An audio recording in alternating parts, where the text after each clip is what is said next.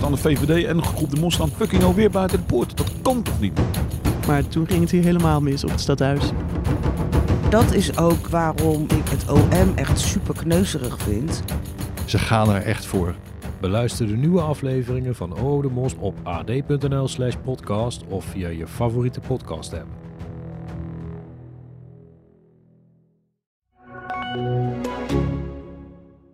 Wat bezielt u om iemand een trap te geven op klaarlichte dag? Natuurlijk heb ik daar spijt van, want ik, ik loop hier nou met dit feit loop ik al drie jaar boven mijn hoofd bijna. En Dus u heeft spijt dat u gepakt bent.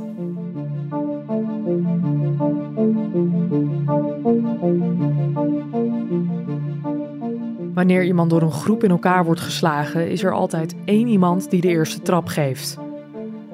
Maar is degene die de eerste tik uitdeelt ook verantwoordelijk voor de rest van het geweld? Zelfs als hij er al van weggelopen is. Mijn naam is Emma Ties en je luistert naar de Zaak X. Een podcast van het AD in samenwerking met het podcastkantoor, waarin we wekelijks een spraakmakende rechtszaak bespreken. Met deze week na een kopschop was Rob Scherel zichtbaar.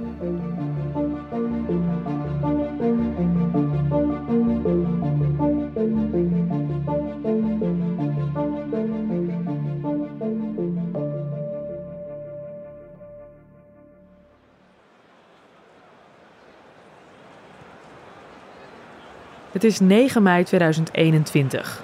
Een zonnige zondag in Rotterdam. De winkelstraten in het centrum zijn druk met shoppende mensen en de terrassen zitten vol. Maar voor veel voetbalsupporters is het niet zomaar een zonnige dag. Vanmiddag wordt namelijk de klassieker gespeeld. Feyenoord tegen Ajax. Rond half drie wordt in de Kuip afgetrapt. En voor de supporters van Feyenoord loopt deze middag dramatisch af, zoals de commentator het samenvat. Dan verwacht je dat het een spektakelstuk eh, geweest zou zijn als je de wedstrijd zelf niet gezien hebt. Maar er was absoluut geen sprake van. Ajax op halve kracht. Met champagnebenen te sterk voor Feyenoord. Dat het zichzelf zo verschrikkelijk lastig maakte. Door twee keer in eigen doel te schieten. Door een penalty te missen. Door in overtal toch weer tegen een rode kaart aan te lopen. Afijn, als je dat allemaal bij elkaar optelt. Dan is eh, die misère in Rotterdam-Zuid eigenlijk wel compleet. Winst voor Ajax in de klassieker. Die vandaag eigenlijk geen klassieker was. Een enorme domper dus voor de Feyenoord-supporters in de Kuip. Veel van hen vertrekken na de wedstrijd richting het Stadhuisplein voor een biertje in de zon. Onder hen ook Michael en Jordi. In deze aflevering gebruiken we niet de echte namen van de betrokkenen. Je hoort Adrianne de Koning van AD Rotterdams Dagblad. Zij volgt deze zaak. Lijkt eh, gezellig. Eh, ze drinken een biertje, maken een groepsfoto. Je ziet zelfs eh, eh, jongens die op de foto gaan en handen in de lucht steken. En de sfeer eh, lijkt heel goed. Het is eh, onduidelijk wie daar natuurlijk allemaal op het terras stonden. Maar je ziet op het terras denk ik wel een mannetje of 30, 40 eh, staan. Eh, de ene met eh, zijn trui om de middel geknoopt. De andere met eh, eh, zelfs een eh, korte broek aan. Het is lekker weer die dag. Ja, het is niet een georganiseerde groep van Feyenoord supporters. Het zijn gewoon mannen die elkaar op dat terras treffen. Ze kennen elkaar van gezicht, uit de kuip. Of ze komen wel eens een keer bij elkaar op de verjaardag. en een enkeling kennen ze helemaal niet. Dat is bijvoorbeeld dan een collega van een van de vrienden die er ook bij staat. Dus het is niet een hooligangroep die daar staat te drinken met elkaar. Alleen op een bepaald moment gebeurt er wat. Zie je een soort opstootje waarbij eh, jongens eh, op het terras elkaar aanvliegen. En blijkbaar is dat reden, vertellen de verdachten, dat de kroegeigenaar zegt... hey, kunnen jullie lekker eh, naar huis gaan met elkaar? Ze vertrekken ook. Eh, een van de verdachten zegt dat hij eh, eh, boodschappen wil eh, gaan halen. De andere gaat onderweg naar zijn auto. Die eh, moet naar huis, eh, eh, nog een stukje naar huis. En eh, eh, iedereen gaat zijn weegs, lijkt het.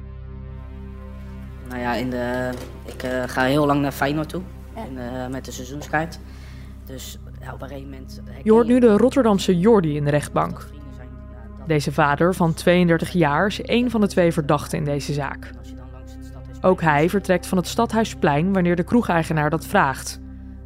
Jordi vertelt wat er daarna gebeurt. boodschappen te halen. En daar verderop bij het Schouwburgplein, achter de paté, heb je de, de Albert Heijn. En daar wilde ik boodschapjes gaan doen. Eh, Ik ben nog aan het bellen met mijn vrouw.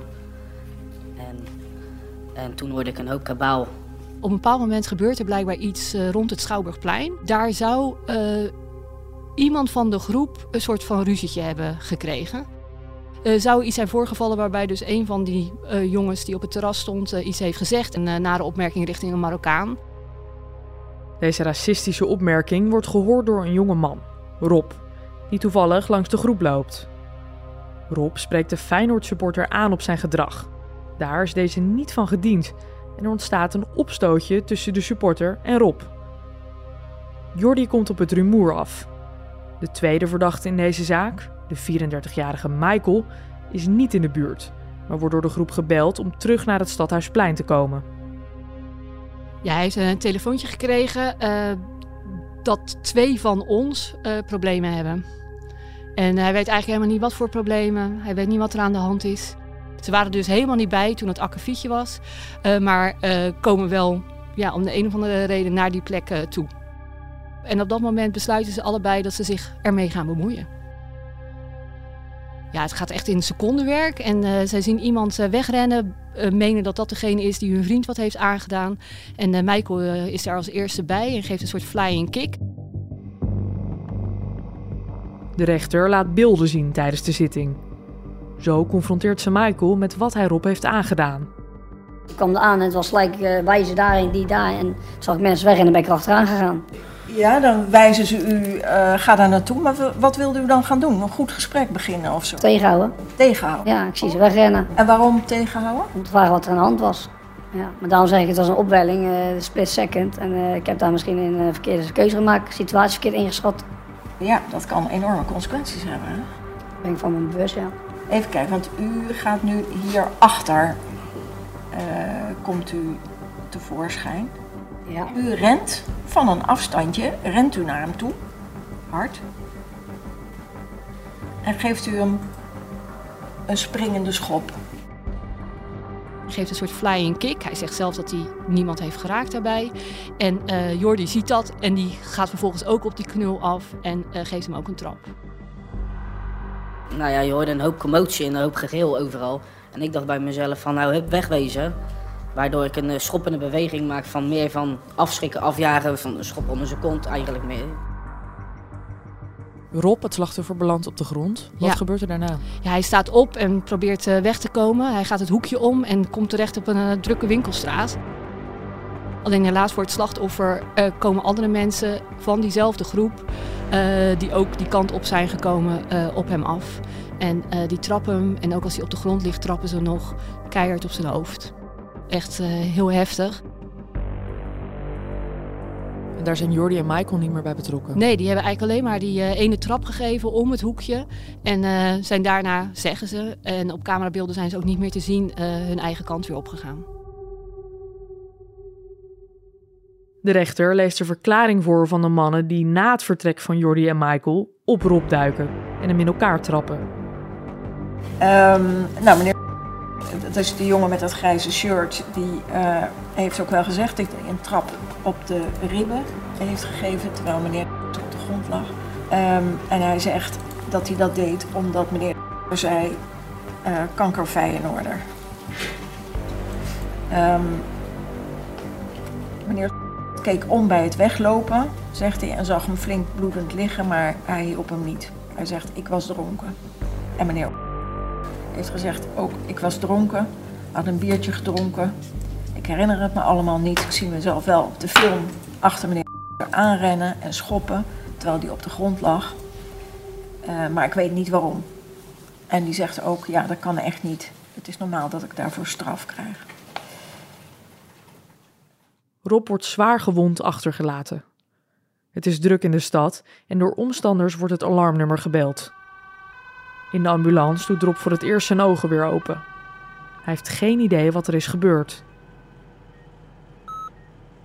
Hij hoort allemaal piepjes, heeft een infuus in zijn arm en vraagt aan de ambulancemedewerkers: Ben ik dood? Ja, echt uh, heel heftig. Hij kan zich er zelf heel weinig nog van herinneren. Uh, maar in de ambulance blijkt dat hij, uh, zijn schedel te zien is door zijn hoofd. Zo'n harde trap heeft hij gehad tegen, tegen zijn hoofd aan. En hij heeft zelf het gevoel dat hij echt aan de dood is ontsnapt. Als hij dan later hoort dat hij zo is toegetakeld, bij, in elkaar is geslagen, dan is hij woedend. En met deze woede moet Rob bijna drie jaar lang rondlopen. Want pas in januari 2024 vindt de zaak plaats waar de twee mannen terechtstaan die dit geweld begonnen: Jordi en Michael.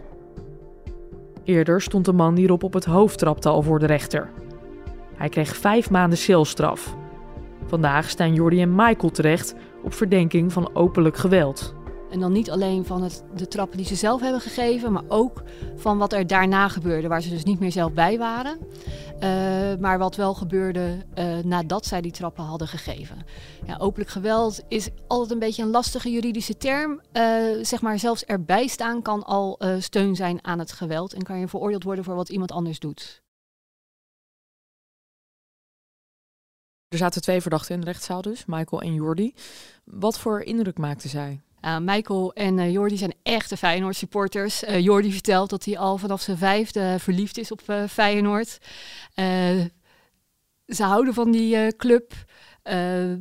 Michael die vertelde dat hij in het verleden actief was bij F3R. Dat is de derde generatie Feyenoord hooligans. Wel echt een groep die be berucht is in Rotterdam en die bij incidenten betrokken is. Maar daar zou hij de laatste jaren echt niet meer bij zijn. Ze zijn ook allebei vader, dus dat heeft hun leven natuurlijk ook echt wel veranderd. Ze zijn niet meer die wilde brassen van vroeger. Ja, een van de belangrijke vragen is dus in hoeverre de, deze twee verdachten ook verantwoordelijk gehouden kunnen worden hè, als plegen van openlijk geweld voor wat er daarna gebeurde. Jordi en Michael reageren in de rechtbank op hun daden, maar willen ook duidelijk aangeven dat zij niets te maken hadden met het geweld dat hierna volgde. Zodra de kans zich aandient, grijpt Jordi naar de rechtbankmicrofoon en neemt hij het woord. Ik wil zeggen in de zin van uh, dat ik me ja, bewust was om naar de winkels toe te gaan. om echt af te willen schrikken. Niet pijn te willen doen of iets. En uh, ja, daarna zie je mij ook gewoon rechtsom een keer naar huis toe gaan. En achteraf de beelden gezien. En nu weer is het gewoon vreselijk om te zien dat dat is gebeurd. Maar dat is echt helemaal buiten me uh, zichtveld of iets geweest. Ik heb daar niks van vernomen. Dus. Oké. Ja, uh, als je het achteraf zo ziet, is het vreselijk. En dat heb ik uh, zeker niet voor ogen gehad of gewild op deze manier. Ook al heb ik zelf een trap in beweging gemaakt, maar hoe hij die meneer er vanaf is gekomen, mag hij nog, denk ik, nog gelukkig spreken dat hij niet ernstiger aan toe is. Ja, zeker.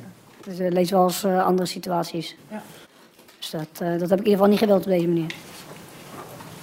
Um, ik, zijn er vragen? Nee? Ja, ik heb er nog wel een vraag voor meneer, uh, voor meneer. Want u zegt van ja, ik heb die trap, ik ging alleen maar boodschapjes doen en ik heb die man een trap gegeven om af te schrikken. Maar u heeft zojuist de beelden gezien. En ik zeg maar gewoon hoe ik het ervaar. Ik hoor u wat u heeft gedaan behoorlijk bagatelliseren. Dat betekent dat u het eigenlijk wat aan het afzwakken is wat u zelf, wat, hè, wat u zelf heeft gedaan, dat uw eigen aandeel hier is geweest. Ik hoor u niet zeggen dat u er spijt van heeft dat u op klaarlichte dag op een drukke winkelstraat een voor u volstrekt onbekende gewoon een trap heeft gegeven. U bent een volwassen man. Uh, correct, nee, tuurlijk. Dus, waarom zegt u dat niet gewoon? En waarom blijft u er maar bij van ja, en het was niet zo hard en het was een schop onder zijn kont? Wat bezielt u om iemand een trap te geven op klaarlichte dag? Op ja, daar heb ik, tuurlijk heb ik daar spijt van, want ik, ik loop hier nou met dit feit loop ik al drie jaar boven mijn hoofd bijna. En, dus u heeft spijt dat u gepakt bent?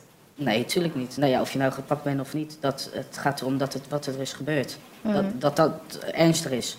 En dat mijn aandeel, daar voel ik me niet verantwoordelijk voor, voor het eindresultaat. Maar uh, wel dat ik een schop onder zool had, moet, uh, ja, had ik niet moeten geven. Ik had ook gewoon uh, er niet naartoe kunnen gaan. Ik heb verder geen vragen, dank u wel. U voelt, zich daar niet u voelt zich daar niet verantwoordelijk voor. Maar ja, de, als je de volgorde ziet, is uh, u geeft eerst een trap, dan geeft, geeft u een trap en dan gaan uw maten, zeg maar, er achteraan. En die trappen hem dan helemaal in elkaar. Voelt u zich daar verantwoordelijk voor? Nee. Dat u iets bent begonnen wat door nee, zeker afgemaakt? Nee. Ik, ik wilde echt gewoon hem, uh, gewoon dat hij, het liefste dat hij nog 100 meter door had gerend. Dat er helemaal niks was gebeurd.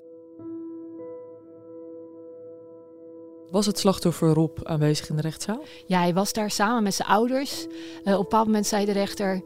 Uh, misschien wilt u even de zaal verlaten, want we laten nu de beelden zien van het toch hele heftige moment, wat een enorme impact op zijn leven heeft uh, gehad. En toen zei ze: Nee, we willen het wel zien, want we hebben het al eerder gezien. Eh, ze zaten daar, zeg maar, de ouders aan weerszijden van het slachtoffer. En eh, waren echt heel erg hem, Rob, aan het steunen in wat er allemaal gebeurd is. Uiteindelijk koos Rob ervoor om zijn advocaat de slachtofferverklaring voor te laten lezen. Ja, het was echt wel een heel heftig relaas. Tot op de dag van vandaag heb ik nog steeds last van mijn borst en knie. Migraineaanvallen, slapeloze nachten, vol met gedachten van wat er is gebeurd. Alleen over straat doe ik niet meer. Tot op heden heb ik niet meer gewerkt. Terwijl het normaal kunnen functioneren op dit moment mijn grootste wens is. Wanneer ik in de spiegel kijk of bij nieuwe foto's die ik maak, word ik herinnerd aan het incident door het litteken op mijn voorhoofd. Bedankt daarvoor. De empathie is bij jullie ver te zoeken. Waarom lieten jullie mij daar voor dood achter? Jullie hebben die dag een jongen gepakt die hard aan het werk was voor zijn geld. Jullie hebben iemand zijn vrijheid afgepakt. Ik, die niets meer deed dan iemand aanspreken op zijn racistische uitingen en gedrag richting Marokkanen. Ik ben bang dat een gevangenisstraf niet zal helpen. Ik hoop dat jullie goede therapieën krijgen en lessen over het omgaan met anderen. Dat jullie daarvan zullen leren en dat jullie niet nog meer slachtoffers maken. Ik leefde best wel mee met hem en ook met zijn ouders. Want je hebt zo'n jonge man, hij woont nog thuis. Uh, probeert echt iets van zijn leven te maken. En dan op zo'n zonnige zondagmiddag gebeurt dit opeens, wat zijn leven totaal overhoop uh, gooit. En daar moeten we dus nu mee zien te dealen. Goed.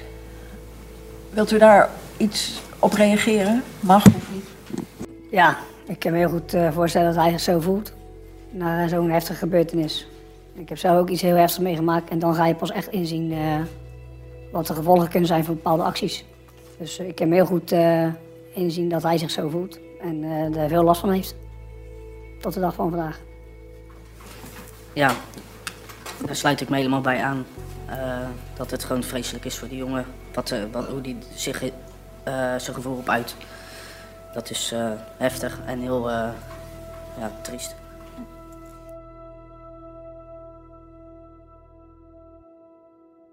Wat heeft het OM uiteindelijk geëist in deze zaak tegen Jordi en Michael? Ja, uiteindelijk uh, ook omdat het uh, gaat om een zaak die dus al wat langer geleden was.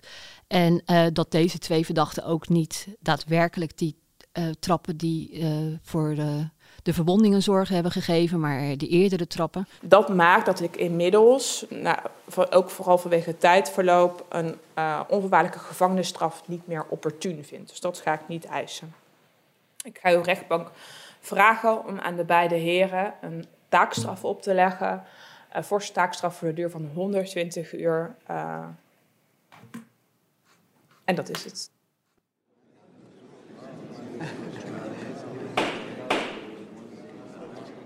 Ja, dat is natuurlijk echt wel een uh, vraagstuk ook voor uh, de rechter. Hè? Vind je nou dat deze twee mannen wel of niet uh, verantwoordelijk zijn voor het geweld dat volgt eigenlijk? En de rechter heeft uitspraak ge gedaan en die heeft ze allebei bestraft. En dan niet alleen maar voor hun eigen aandeel. De rechter zegt ook Ehm, dat uiteindelijk deze twee zijn gestart met het geweld, waardoor anderen ook in actie zijn gekomen en verder zijn gegaan.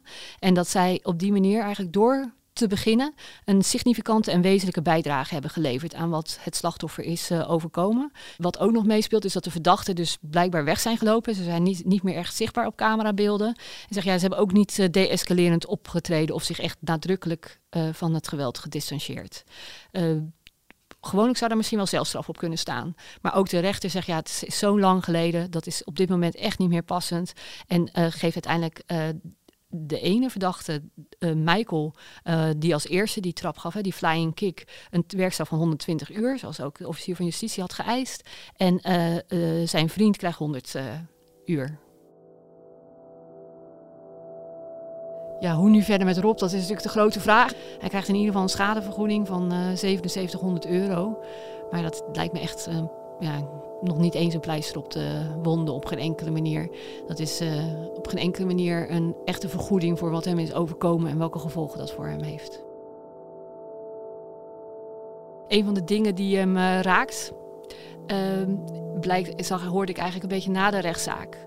Eh, de verdachte Michael eh, die gaat op uh, de slachtoffer en de ouders af in, op de gang en biedt zijn excuses nogmaals aan. En vervolgens ge geven ze aan, de slachtoffer en zijn ouders aan van ja, er was gezegd dat hij zou hebben gezegd kut Feyenoorder. En dat hij daarom uiteindelijk zo werd getrapt op de, op de winkelstraat. Hij zegt, nou, dat heeft hij nooit gezegd, want hij is zelf ook Feyenoord supporter. En dat is natuurlijk eigenlijk wel een heel verdrietig verhaal. Dat iemand die zelf ook voor Feyenoord is, door supporters om iets wat hij zegt zo enorm uh, toegetakeld wordt. Dat, is, uh, dat merkte ik ook dat uh, zeg maar het slachtoffer en zijn ouders dat echt heel erg moeilijk ook vonden. En ook dat er dus een soort werd gedaan alsof hij niet voor Feyenoord was.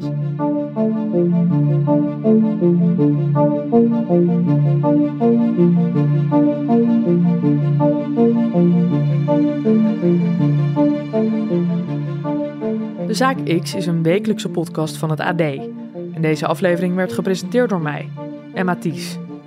Aan deze podcast hebben meegewerkt David Achter de Molen van het podcastkantoor, Sanne Beijer, Joost de Kleuver, Anna Strauss en Thomas Brouwer. Als je meer details wil lezen over deze zaak, kijk dan op ad.nl slash dezaakx. Beelden van deze zaak worden gedeeld op de Instagram-pagina van de Zaak X. Het fragment dat je hoorde is van het YouTube-kanaal van Feyenoord. Vond je dit een goede podcast? Laat dan vooral even een review achter, zodat we beter vindbaar worden voor nieuwe luisteraars. En wil je ook de volgende aflevering niet missen? Abonneer je dan op dit kanaal.